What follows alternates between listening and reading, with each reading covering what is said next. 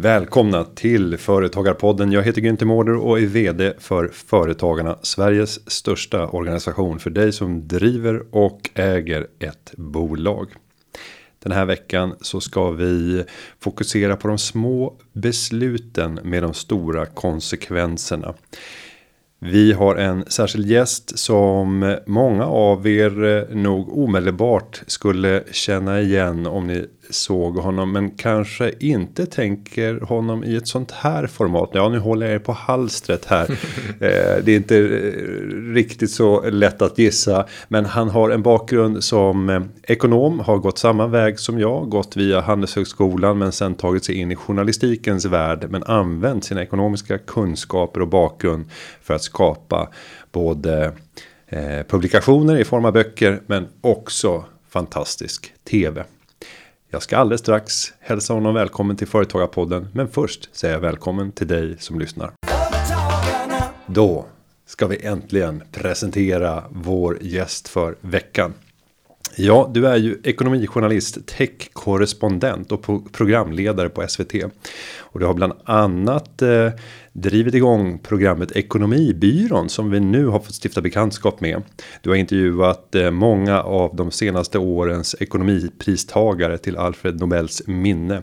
Och snart är du aktuell med boken Magkänslans intelligens. Jag säger varmt välkommen till Alexander Norén. Tack Günther, vilken fantastisk intro. Ja, och att man fick med en sån här gissningslek också innan. Jag vet inte hur många jag satt och undrade själv, vem skulle det där kunna vara? Ja, men det är, det är roligt att ha dig här i studion. Vi har ju lärt känna varandra i ett helt annat sammanhang. Ja. Eh, vi är båda alumner från Handelshögskolan. Och där gjorde vi vad då efteråt? Vi hade skoj tror jag. Ja. Vi vägrade lämna det här studentlivet. Ja, efteråt ja. var vi med i kamratföreningen. Som ja. Eh, den gamla alumniföreningen hette. Eh, och som väl numera är, har mergats in i eh, alumniverksamheten. Och vad heter den? Alumni... SSI Alumni Club. Just det. Eftersom alla pratar engelska numera ja. på Handelshögskolan.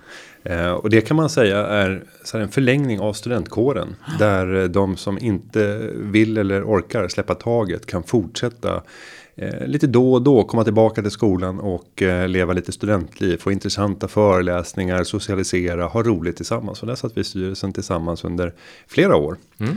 Vilket okay. var väldigt roligt. Men nu ska vi fokusera på någonting helt annat. Och titta på de delarna som idag skapar eh, mycket nya tankar säkert hos många människor. Och jag tänker att vi börjar i den här coronatiden. Du har fått dra igång ett, en helt ny programserie. Ekonomibyrån. Berätta om Ekonomibyrån. Ja, eh, SVT hade eh, i pipeline att göra ett ekonomiprogram någon gång lite senare. Och sen kom coronan som ju visade sig bli värsta ekonomiska krisen också. Då tänkte man, nej, nu är det dags. Vi, vi gör det här i förtid. Så på några veckor så fick vi på oss att hitta på hur ett sånt program skulle se ut.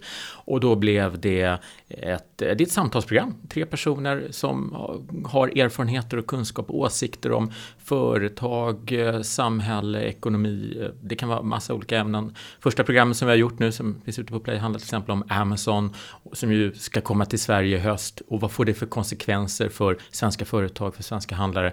Men kanske ännu mer intressant, vad är det egentligen de har för långsiktig plan för världen, för det världsherravälde egentligen som, som Bezos eh, eh vill åt. Eh, och kanske inte så mycket att sälja grejer till oss som, som att lära sig om våra liv och få massa kunddata som man kan göra vad som helst med. Och sånt där. Så sådana saker ska vi prata om. Och eh, ja, men som sagt, det intressanta med det om man ser utifrån ett coronaorganisatoriskt perspektiv. Det är många organisationer och företag som har ställt om snabbt. Och SVT är ju traditionellt sett lite tungrot med, jag brukar skämta femårsplaner. Men i det här fallet så lyckades man inte bara med det här programmet som man då sjösatte på tre veckor, men även massa andra program på SVT. Bara liksom göra helt nytt på väldigt kort tid. Och alla ändrar sina arbetsroller, går till en helt annan, massa människor från sporten börjar på nyheterna och så vidare. Och tar det helt för givet att så här gör man, när, när, när det verkligen gäller. Och då, då föds ju tanken så här, men så här skulle man kunna kanske göra mm. i vanliga fall också. Varför måste saker och ting vara eh, långbänk egentligen? Jag tror det här kommer att vara en uppvaknande för många organisationer att vi kan jobba på ett annat sätt och med risk för att använda ett, eh, ett klyschigt modeord mer agilt. Och, du har ju haft förmånen att kunna få fundera rätt mycket kring de här frågorna och även rapportera kring mm. det. Vad är din egen bedömning när det gäller förändringar i samhället och hur varaktiga de här coronaförändringarna kommer att vara även efter pandemin? Mm. Det är ju den stora jättespännande frågan och man kan ju bena upp den på olika eh, plan om man börjar på det här med, med det som vi alla har fått uppleva. De som haft möjligheten att distansarbeta, som har sådana jobb. Där finns det ju nu många som upplever att det här var ju jättebra. Det visar ju undersökningar också. Och även från företags perspektiv har man upptäckt fördelar med det. Och jag skulle gissa då att det här med distansarbete som har varit på gång i decennier och man har alltid pratat om att men nu finns tekniken, nu ska det hända och så, så händer det inte. Vi samlas ändå vid fikaautomaten på kontoret 9.15 och nu så tror jag att i och med att det hände alla i hela världen samtidigt och alla tvingades göra detta på kort tid och tekniken fanns den har funnits i flera år. Det var bara det att man behövde upptäcka, ja just det, det där Teams, det där Zoom som vi har köpt in eller som vi har hört att vi har gått någon utbildning för aldrig använt. Nu, nu får vi se, hur gjorde man det där? Ja, så gör man. Och sen lär man sig på kort tid att så här får vi det att flyta.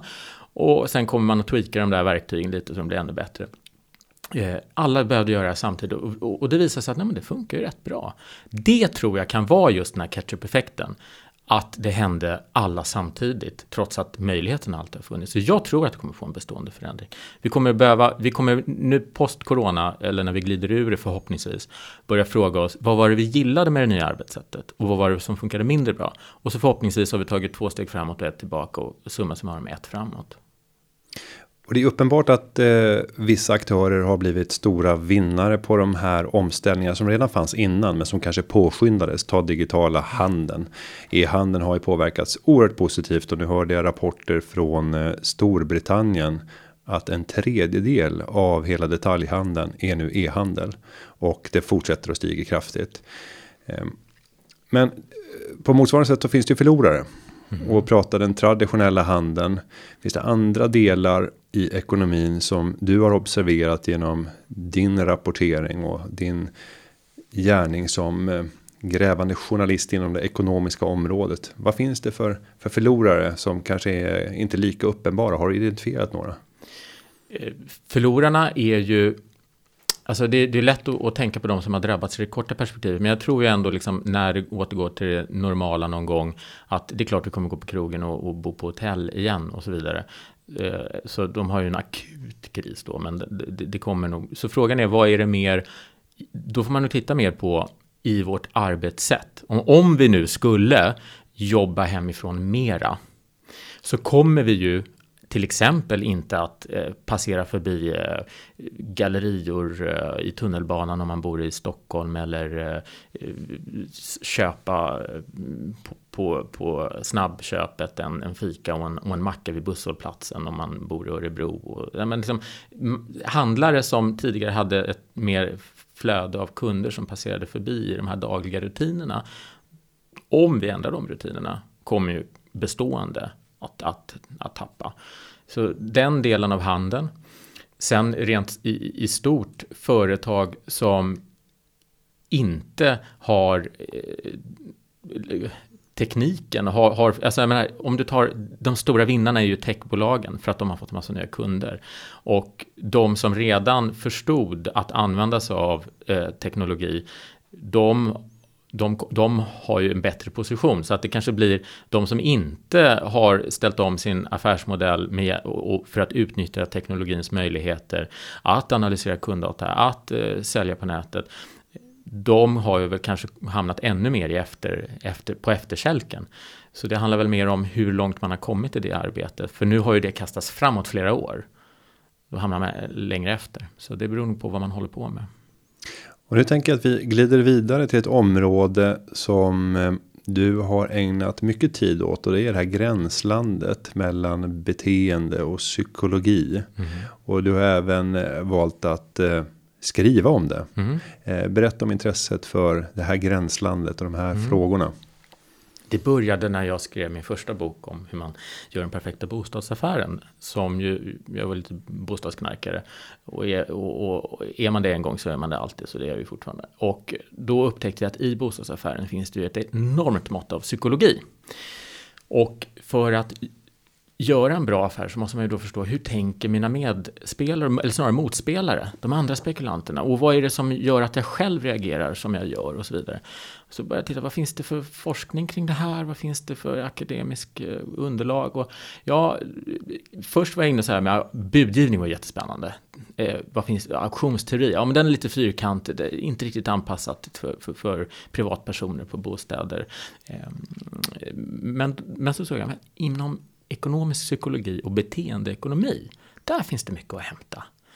Så då började jag i princip som om jag hade jag borde gått den där kursen, fördjupningskursen på Handels, men jag gjorde det själv och liksom läste på och eh, läste forskningsrapporter och papers och så vidare.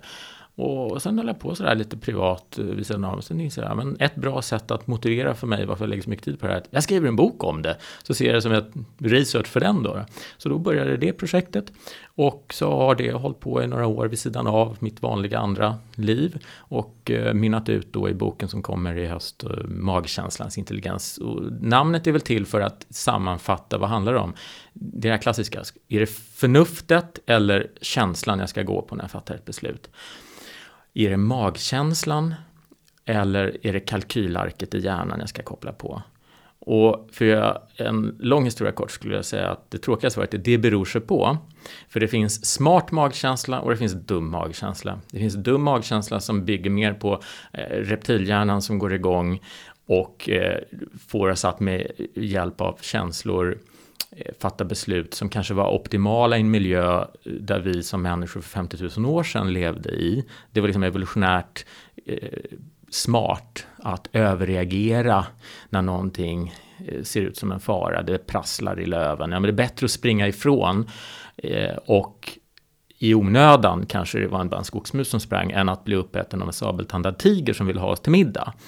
Medan idag när det prasslar i löven typ på börsen så är det kanske då lätt att äh, jag måste göra någonting, jag måste göra någonting eh, och jag, är, är, och jag säljer.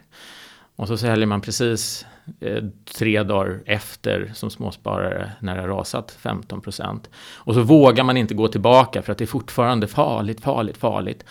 Och sen så vågar man först gå tillbaka när det är positiva skriverier kring det här igen. Men då har den, hela, då har den där rekylen som gick upp 10 % på två dagar redan passerat förbi. Så då gör man det misstaget. Det är som ett exempel på hur dum magkänsla kan leda oss fel. Smart magkänsla är å andra sidan den här eh, som bygger på erfarenhet och som bygger på att man är expert inom ett område. Och expert behöver man inte vara för att ha en fancy titel. Det kan vara att du till exempel, ja men säg att du uh, inom ditt yrke, du har så pass många år bakom västen i en viss typ av situationer att du när beslutet är så komplext att du kan inte med hjälp av hur många rapporter som helst data in säga vad som är rätt eller fel. Sova på saken, låta det sjunka in och sen, hmm, det här magiska. Nej, det känns som att det är det här jag ska göra. Då, då är det som en slags syntes av eh, erfarenheten av hur var det liknande situationer tidigare jag varit igenom i livet. Eh, vad är det för signaler som, som, som de skickar mig som, som kan mynna ut i den där magkänslan? Den är mycket mer svår att, att definiera för att det är också hjärnforskningsmässigt svårt att verkligen kika in i hjärnan vad som händer.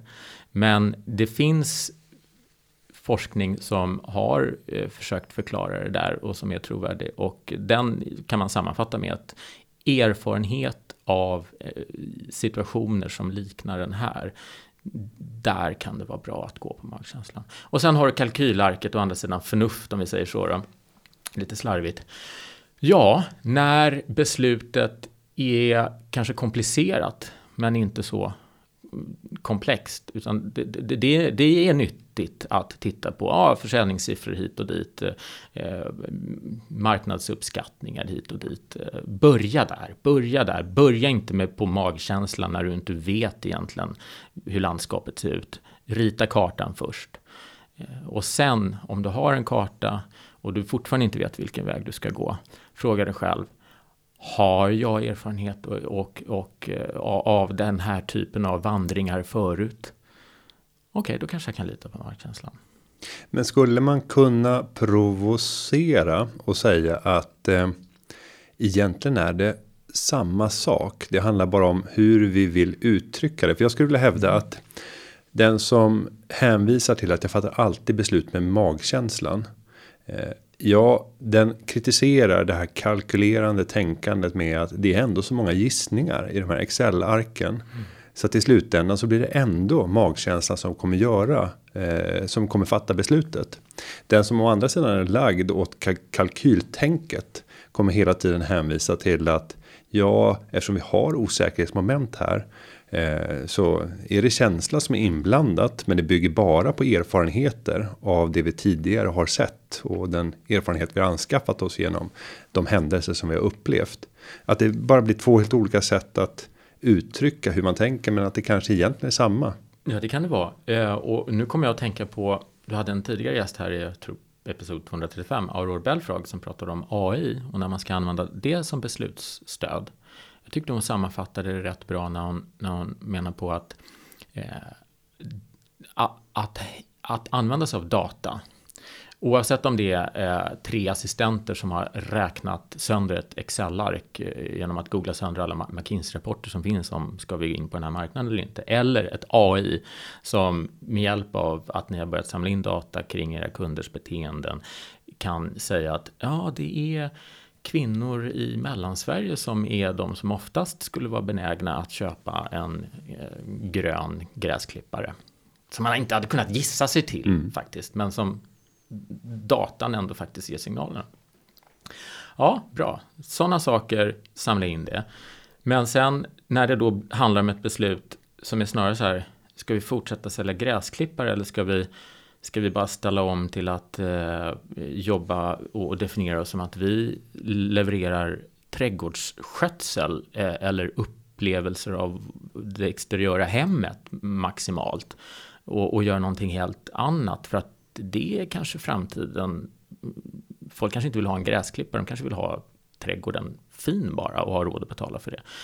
Ja, det är väl kanske Ja, då kan man också ta in datapunkter, hur var betalningsviljan för det? Men, men det blir ändå ett, en nivå större där det är kanske är svårt att få in kalla data på om det här är lyckat eller inte. Och då, då är det nog snarare magkänslan som får avgöra.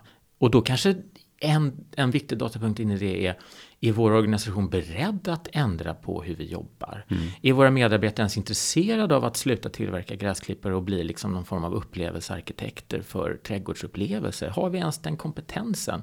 Och det är lite mjukare, rundare frågor och, och, och, då kanske ma din magkänsla är summan av hur, hur du känner dina medarbetare och fattar att nej, de kommer inte göra det. Och jag kan inte heller bara, jag vill inte lägga ner företaget och, och bara starta om, utan då, nej, då kanske det magkänslan är, vi, vi blir vid vår läst, men vi fortsätter göra lite, lite bättre istället. Så, beroende på vad du kan få in data så kan nog magkänslan vara rätt eller fel att gå på.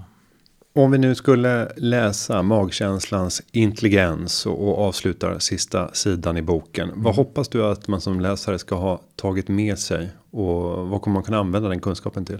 Självkännedom mm. om hur vi är som människor, om de svagheter beslutsmässigt som vi i grunden är utrustade med, men också de styrkor som vi som människor är utrustade med och veta när man eh, drar nytta av styrkorna och när man riskerar vara offer för svagheterna. För det finns ju ett antal klassiska beslutsfällor eh, med eh, psykologiska mekanismer som, som spelar in. Ta ett exempel som jag tror många eh, status quo bias, att vi har en tendens att vilja ha kvar defaultalternativet. Defaultalternativet kan vara att fortsätta göra som vi alltid har gjort på det här företaget. Att fortsätta med den eh, affärsmodell som vi har eh, och att den som kommer med en ny idé och vill förändra någonting har bevisbördan på sig. Grundinställningen är fortsatt som det är. Och det är någonting som, som vi måste vara medvetna om och motarbeta. Det kan vara bra att fortsätta som vi har gjort. Men var, bli varse om signalerna som är tecken på att ja, men nu säger du sådär, nu gör du sådär därför att du lider av status quo bias. Ta ett steg tillbaka och, och tänk så här, men om vi bara uppfann oss själva på nytt idag, hur skulle vi göra då? Att ha, att ha den tankeövningen, den kan komma som, som frukt av att man har insikten om att status quo bias finns och den måste vi vara varse när vi fattar beslut.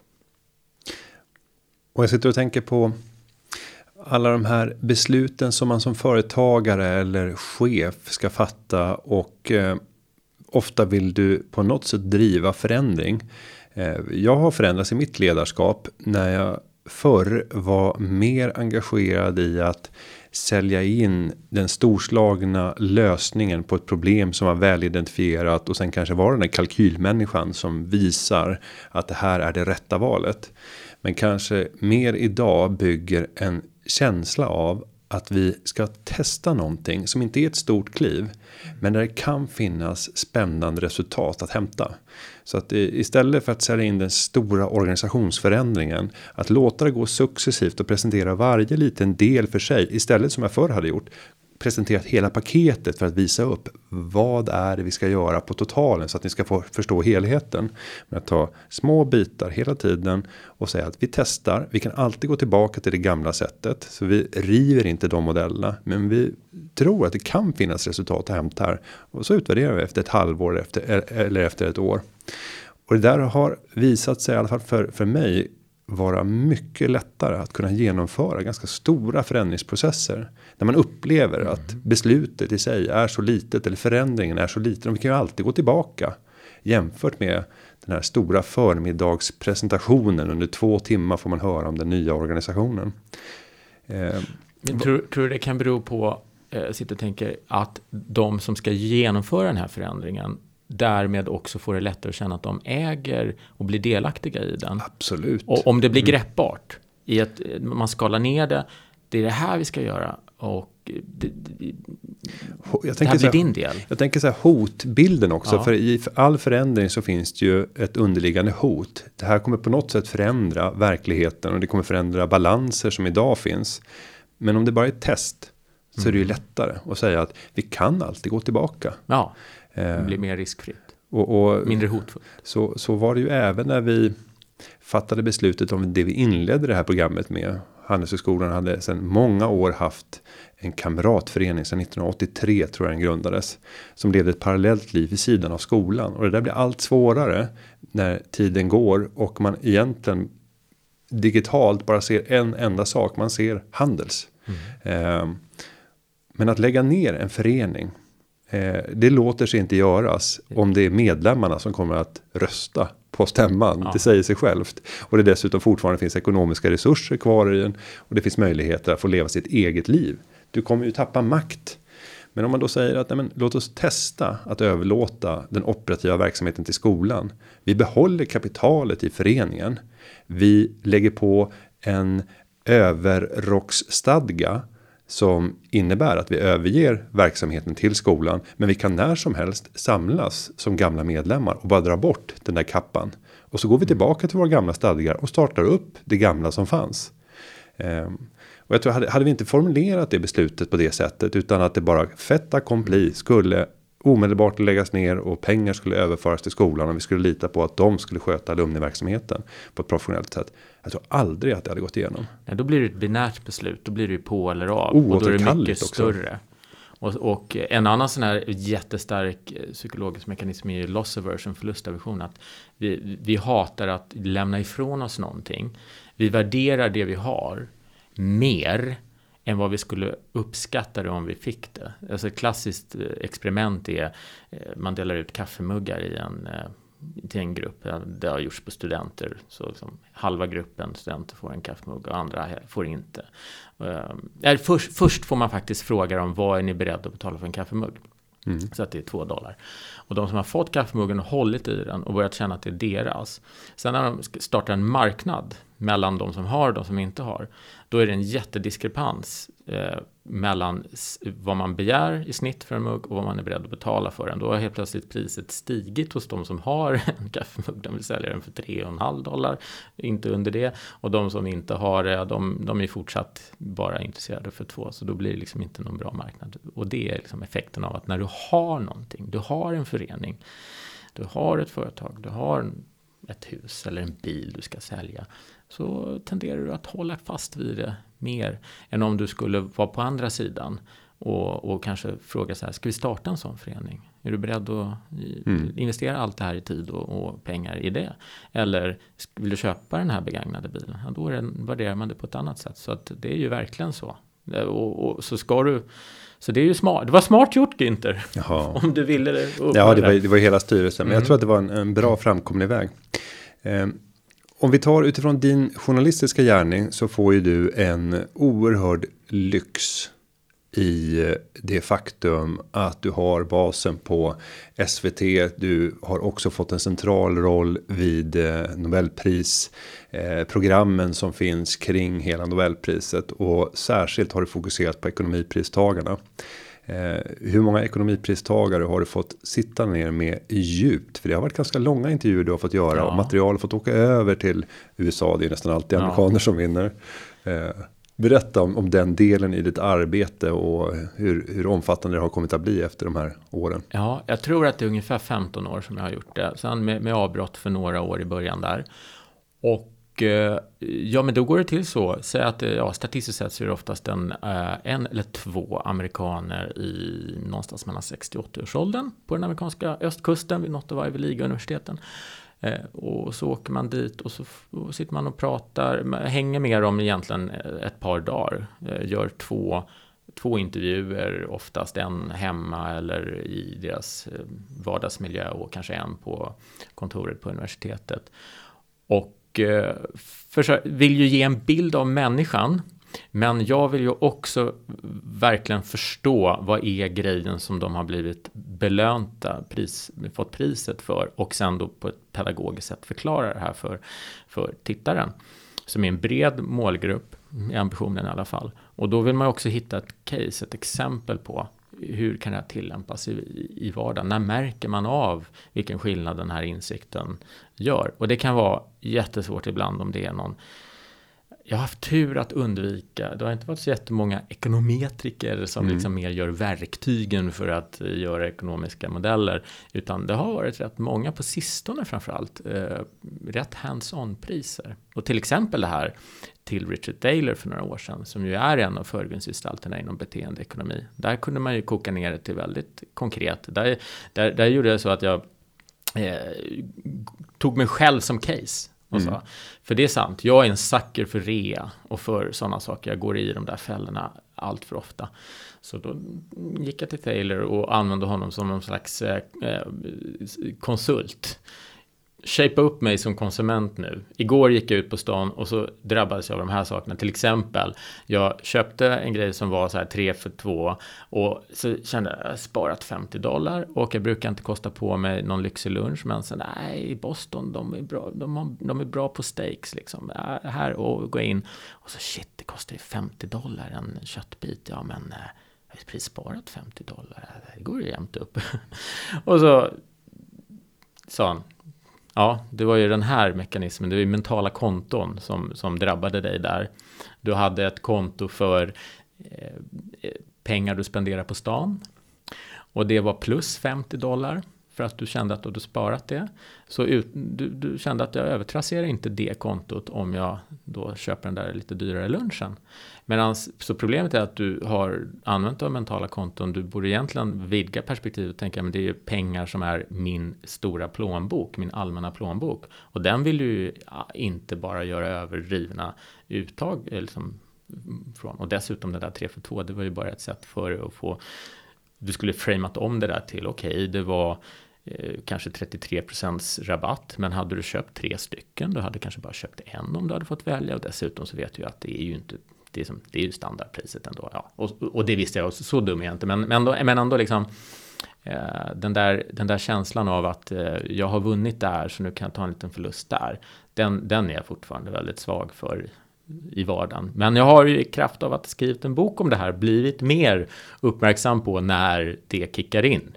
Och lite bättre på att stå emot det. Och handlar inte det mesta i livet om att få den här självinsikten som gör att vi kan hantera både våra styrkor och dra fördel av dem. Men också hantera de baksidor och, och de svagheter som vi har och minimera de negativa effekterna av det. Och det är väl ditt sätt att, att göra det på eh, genom att skriva böcker borde ju vara rimligtvis väldigt effektivt. Tänker ja, och jag menar det är ju så att man, man skriver inte en bok eh, som, om, som handlar om hur man blir en bättre någonting om man inte faktiskt själv känner att man behöver det.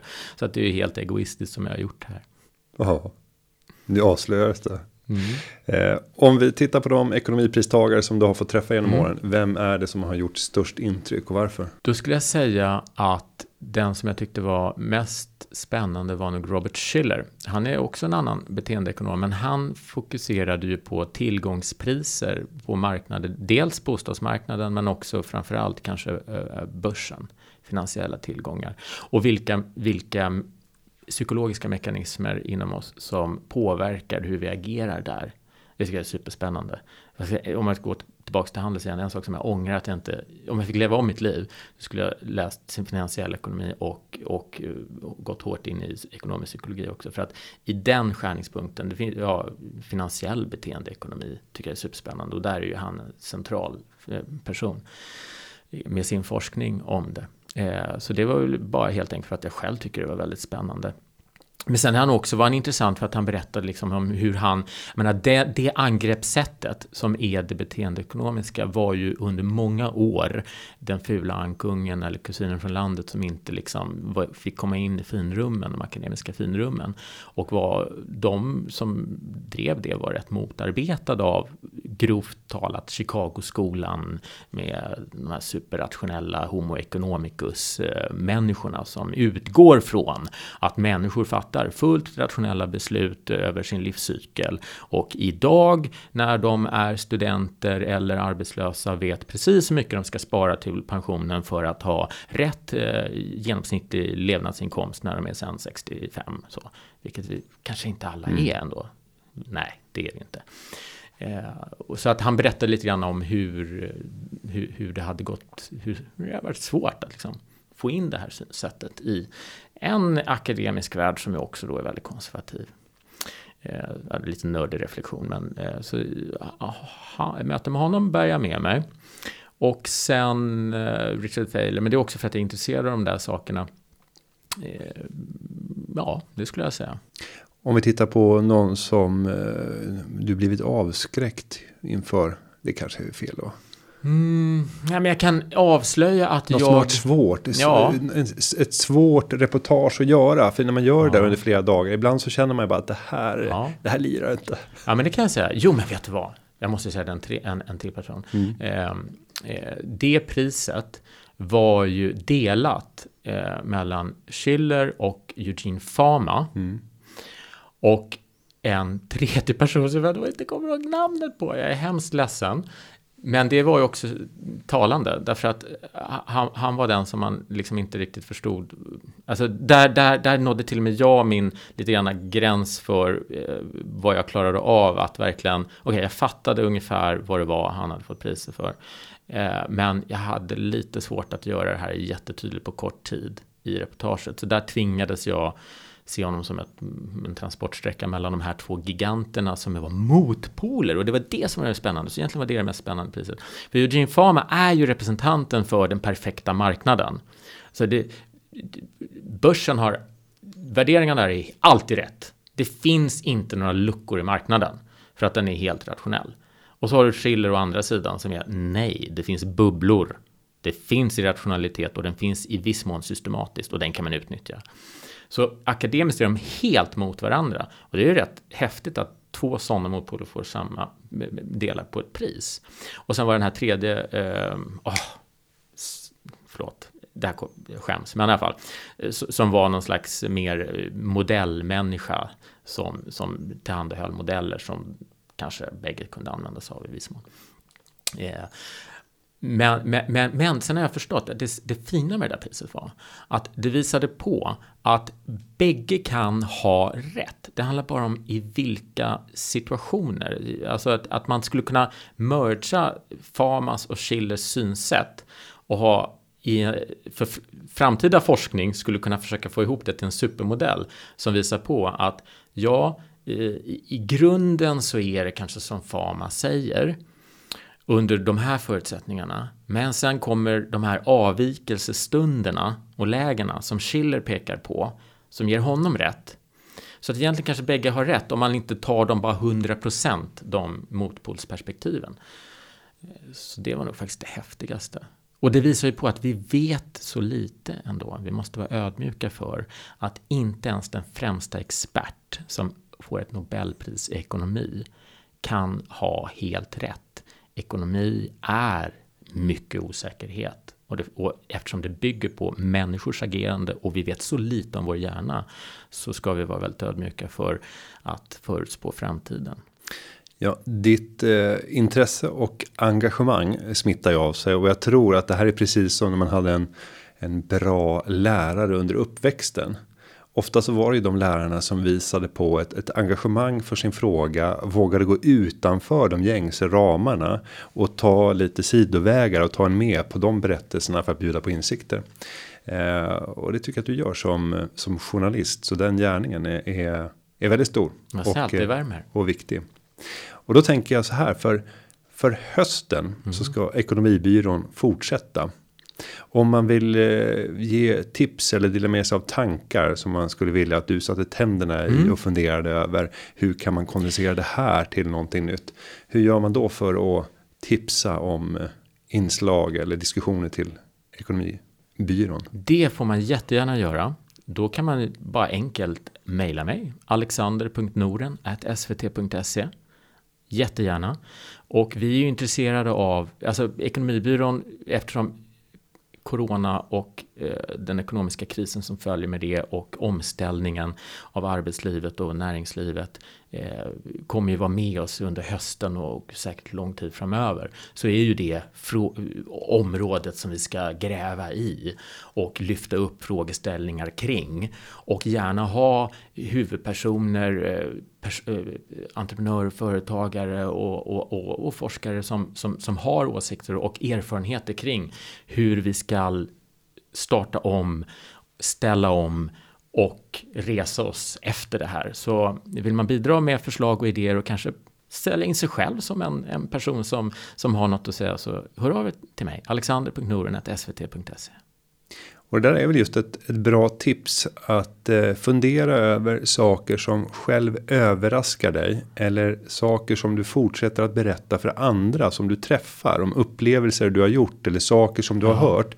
Ofta så är du någonting på spåret när du gör just det här som sannoliken eh, eller sannolikt kommer att vara intressant även för en, en större publik. Eh, för vi reagerar ofta på på likartade sätt och, och, och eh, Ja, och, och jag menar, och, och, det behöver inte vara att man själv faktiskt eller är eller har erfarenhet. Det kan vara att man sprungit på någon, man har läst något, man har träffat någon som har berättat. Man, något själv tycker man sällan att, att det är någonting speciellt. Nej. Det är ju det. Men det kan vara ett tecken på att det är många andra som gör så. Mm. Ja, det ska bli spännande att fortsätta följa eh, dig och ekonomibyrån och eh, självklart så hoppas vi att kunna få en, en riktigt bra nyanserad rapportering om vad som händer, inte minst inom det ekonomiska fältet i Sverige. Alexander Norén, stort tack för att du kom och gästade Företagarpodden. Det var jätteroligt att vara här, tack. Härligt. Och jag ska säga att underlaget till den här podden det har förberetts av David Hagen och klippningen den är gjord av Petra Chu. Vi hörs igen nästa vecka som alltid. Ha det bra. Hej då! Företagarna Ja, ja, ja, ja, ja, ja Företagarna Ja, ja, ja, ja, ja, ja